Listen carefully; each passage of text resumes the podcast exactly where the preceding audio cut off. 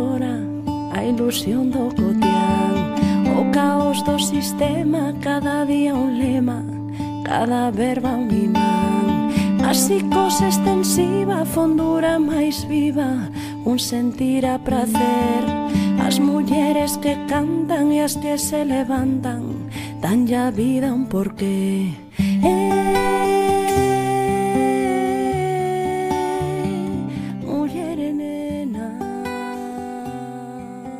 Pechamos hoxe a segunda tempada destes programas do, do Grisa Violeta e facemos co concelleiro Luis Bará. Luis, bons días. Hola, bo día. O coordinador do proxecto da Memoria das Mulleres. Os programas retomámonos no mes de outubro en este, nestas semanas tivemos ocasión de coñecer en profundidade a máis mulleres, a máis protagonistas destas eh, historias de mulleres represaliadas durante a dictadura, mulleres traballadoras, mulleres pioneiras que abriron camiño para moitas outras mulleres que viñeron uh -huh. detrás delas e todas con un denominador común, ou ben elas como principais protagonistas deste programa, ou ben fillos, netos, fillas e netas, eh, destas, destas persoas que, coas que fomos falando para poñer en valor o papel de, destas mulleres e, sobre todo, a súa, a súa valentía en momentos complicados, non, Luis? Sí, a verdade é que foron mulleres moi combativas, moi loitadoras, pioneiras, que abriron camiños, que reclamaron dereitos e a que lles debemos moitos como sociedade tamén, sobre todo as mulleres de perfil máis humilde, de perfil traballador, porque son as menos recoñecidas, as máis silenciadas, son en xeral todas as mulleres silenciadas, non? pero as traballadoras, as proletarias, as de orixe rural, son as menos valoradas, as máis silenciadas, e foron as que deron máis, traballando moitas veces sen, sen dereitos, sen horarios, nunhas condicións extremadamente duras, para que a sociedade, a sociedade avanzase. Non? De feito, moitos dos logros, moitos dos avances, moitos dos progresos que se deron nesta sociedade foi grazas precisamente ao, ao traballo non recoñecido nin remunerado das mulleres máis humildes. E por iso creemos que teñen que ter o foco de atención e unha das liñas de traballo vai dirixida precisamente a resaltar o labor das mulleres que traballaban na casa, que traballaban no campo, que traballaban tamén nos servizos, que traballaban en oficios como as costureiras, como as leiteiras, que viñan á cidade a vender que tiñan un horario interminable a que lle debemos, as que lle debemos moito. Uh -huh.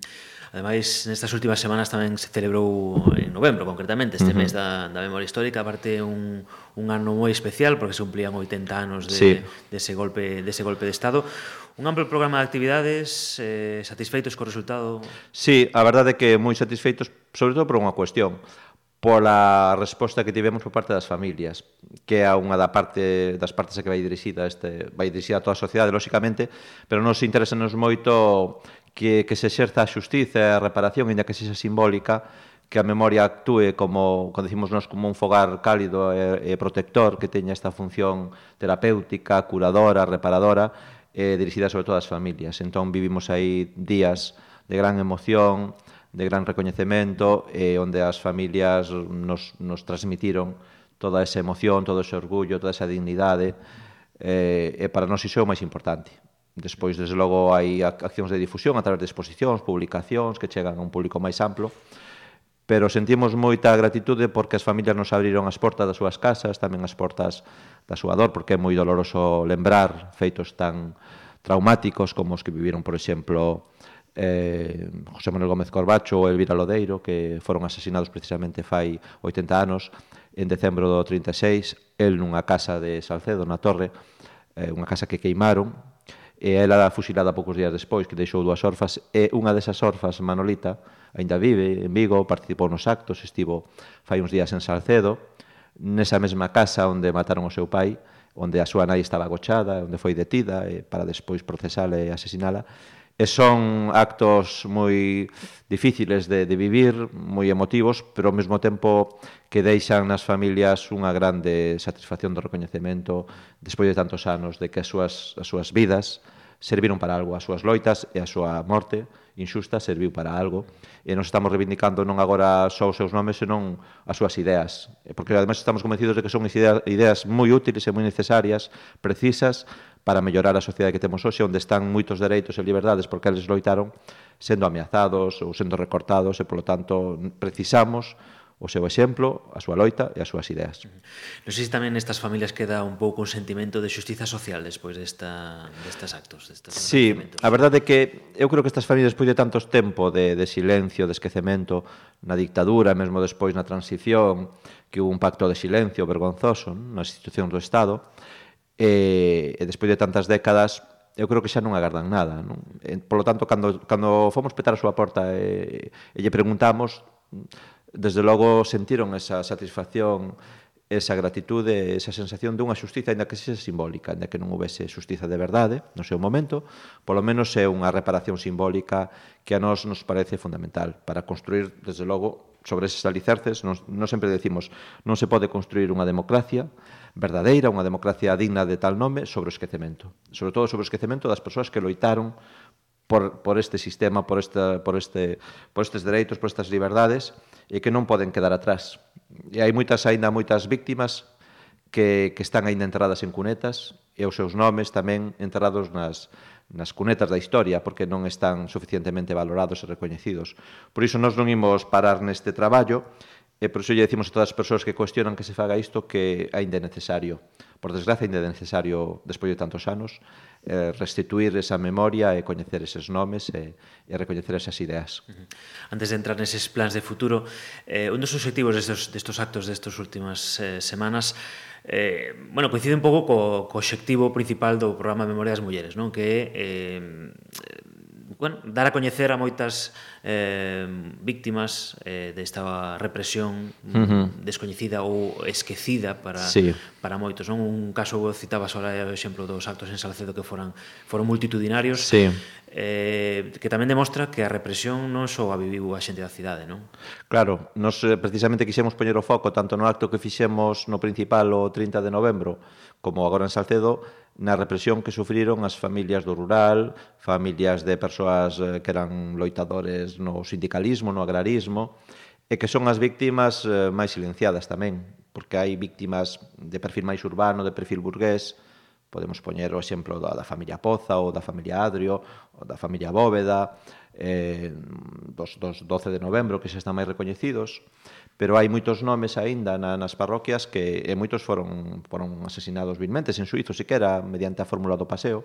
As súas familias sufriron moito, as, súas, as mulleres que quedaron sufriron moito, e quixemos dedicar esta programación de novembro e decembro en Salcedo precisamente a esas víctimas, eh, porque nos parecía que había unha débeda con elas, eh, por iso dixemos tamén cando presentamos o libro da represión en Mourente, que estábamos pagando unha débeda, unha débeda de, de recoñecemento desas persoas e de, tamén de reivindicación das súas ideas, que nos parece fundamental. Uh -huh. Entón, entramos xa actualmente en como está este proxecto da Memoria das Mulleres, este proxecto do Odisa Violeta, que o cal vai ser os próximos pasos sí. deste, deste... Bueno, nós pensamos que está moi maduro, moi moi asentado, porque levamos xa tres anos traballando, ademais nós estamos convencidos de que os proxectos que valen a pena son os que duran no tempo, se van mm, construindo, non, coa participación de moitas persoas, son proxectos moi participativos.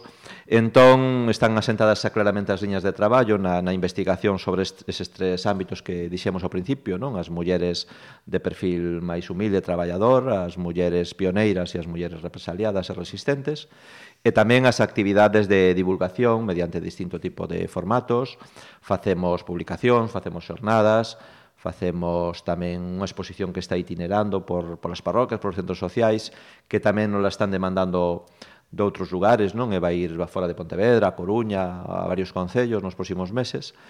E tamén estamos construindo un proxecto de divulgación de todo este de labor que, que sería unha web que recolla todos estes materiais que fomos recopilando ao longo destes anos, que temos moitísimo material gráfico, audiovisual, sonoro, documental, de biografías, eh, entón aí vai haber un, unha, unha fiestra para poder coñecer, eh, acceder a esa información e tamén darlle utilidade pedagóxica. Interesa moito o traballo tamén nas aulas, porque este, este, este coñecemento hai que socializalo, ten que chegar ao gran público e a escola é unha vía fundamental. E despois hai outra liña tamén que nos interesa moito potenciar de cara ao ano que ven que é a, a presencia das mulleres no espazo público. Xa empezamos con actividades neste sentido, poñendo nome de prazas e de, de como caso da praza Josefina, de Amalia Álvarez ou a Avenida Josefina Ruti, que é unha maneira importante de recoñecer coa presenza directa na, no, no espazo público as biografías das mulleres, as vidas das mulleres, e tamén mediante un roteiro urbano, mediante sinalética, mediante murais, estamos traballando un pouco nesta liña que no ano que ven debería dar froitos importantes. Falabase tamén dunha segunda publicación, non? Tamén... Sí. sí, claro, fixemos do Griso Violeta, que foi a culminación de dous anos de traballo, con unha gran exposición, que estivo na, na ferrería, que agora ten un formato itinerante máis, máis, máis modesto, máis pequeno, pero que está dando moito xogo nos institutos e nas, nos barrios, que imos, esta que imos levar tamén a outros concellos. E eh, estamos pensando xa en novas publicacións, e unha publicación un pouco que recopile todo o traballo de investigación que estivemos facendo neste, neste último ano, fixemos nas parroquias un traballo monográfico tamén sobre as mulleres e o mar, que tamén se presentou aquí con, con algunhas das protagonistas, e tamén todo o traballo que fomos facendo alrededor da, da represión, que ten xa varias publicacións, e que queremos despois recopilar nunha publicación xa monográfica tamén deste tema. É dicir, temos moito material, pero nos de cara ao ano que ven a idea é darlle visibilidade a todo eso a través da web, porque o papel está ben, eu creo que as cousas teñen que estar en papel, pero despois ten que haber un espazo na rede que, que permita consultar ou darlle utilidade tamén, como decía, nas escolas a todo este inxente material que temos, eh, temos moitísimas horas de grabación sonora, de materiais audiovisuais, e iso pode dar moito xogo. Uh -huh.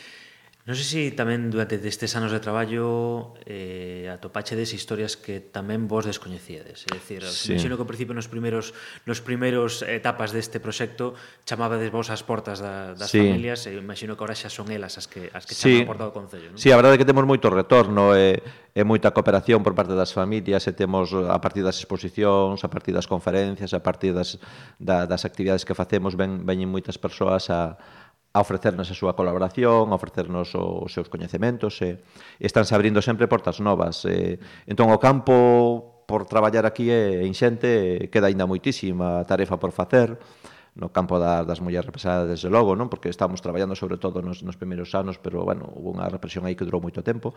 Queremos facer un traballo monográfico tamén sobre as mulleres que mm, participaron en actos de, de resistencia en, en temas sociais, por exemplo, nas loitas, por exemplo, contra a celulosa ou contra a autoestrada, onde ten tamén moito protagonismo parroquias como Lorizán e Salcedo, non? Un Ponte Sampaio contra tamén as dragas, as areeiras, hai moitos casos que, que son moi pouco coñecidos e que unha liña de traballo quere ser esa. Tamén sobre algúns perfis de, de oficios de mulleres tamén queremos traballar de cara no que ven. E no campo das mulleres pioneiras tamén aínda queda moito labor por facer e temos aí varias biografías que queremos tamén descubrir e, e facer publicacións monográficas. Unha das, do ano que ven queremos que sexa sobre unha, unha mestra de Lérez eh, que lle chaman Carmiña, non? que era unha muller moi avanzada ao seu tempo, moi rupturista, moi, moi heterodoxa, non? e que mm, daba clases particulares en Cerponzóns, hai moita información que fomos recopilando, queremos facer unha publicación e un, un acto de reconhecimento a esta muller. Eh, e, polo tanto, o campo de traballo que queda por diante de actividades e de, de investigación por facer aínda é moito afortunadamente eh, temos moito aínda que facer. Mira, non sei se si nestes últimos tempos tamén se aproximaron ao Concello de Pontevedra outros concellos, non só sí. da provincia, senón de toda Galicia, interesados un pouco neste traballo de recuperación para poder facer algo similar ou para poder levar, exportar sí. uh, o que sea o traballo de Pontevedra e poder presentalo noutras cidades. Sí, de, de feito fixemos algunha presentación xa en Vigo, en, en Santiago, en, en Coruña. Agora temos unha petición, como decía, para levar o proxecto a Coruña a través da, da Casa Museo de Pardo Bazán, que é unha entidade que ten fai moito labor a prol do feminismo, e que levaron o noso proxecto a unha feira feminista que hubo na Coruña e, e causoulles unha impresión fantástica, din que non hai ninguna institución que faga traballo deste tipo, e que é un exemplo a seguir e que deberían moitos concellos seguir este, este exemplo, e polo tanto estamos un pouco nesa liña tamén falando con institucións galegas, do, como Museo Povo Galego, con outras institucións para poder levar o labor que se fixo en Pontevedra, exportalo fora, que se xa coñecido e que sexa un pouco unha posible camiño a seguir para que se fagan cousas similares, porque a verdade é que hai, é certo que hai poucas institucións que teñan afrontado un traballo destas características. Uh -huh. Pois ese traballo continuará, en Pontevedra Viva seguiremos dando voz a todas estas historias, como dice tamén o, a publicación deste de Luis Abreta, e de xustiza seguir o ronsel de todas estas mulleres que, como decíamos ao principio do programa, abriron o camiño de moitas que de moitas máis que, que viñeron detrás. Luis Vara, moitas grazas. Moitas grazas a vos, moi bo día. Eh.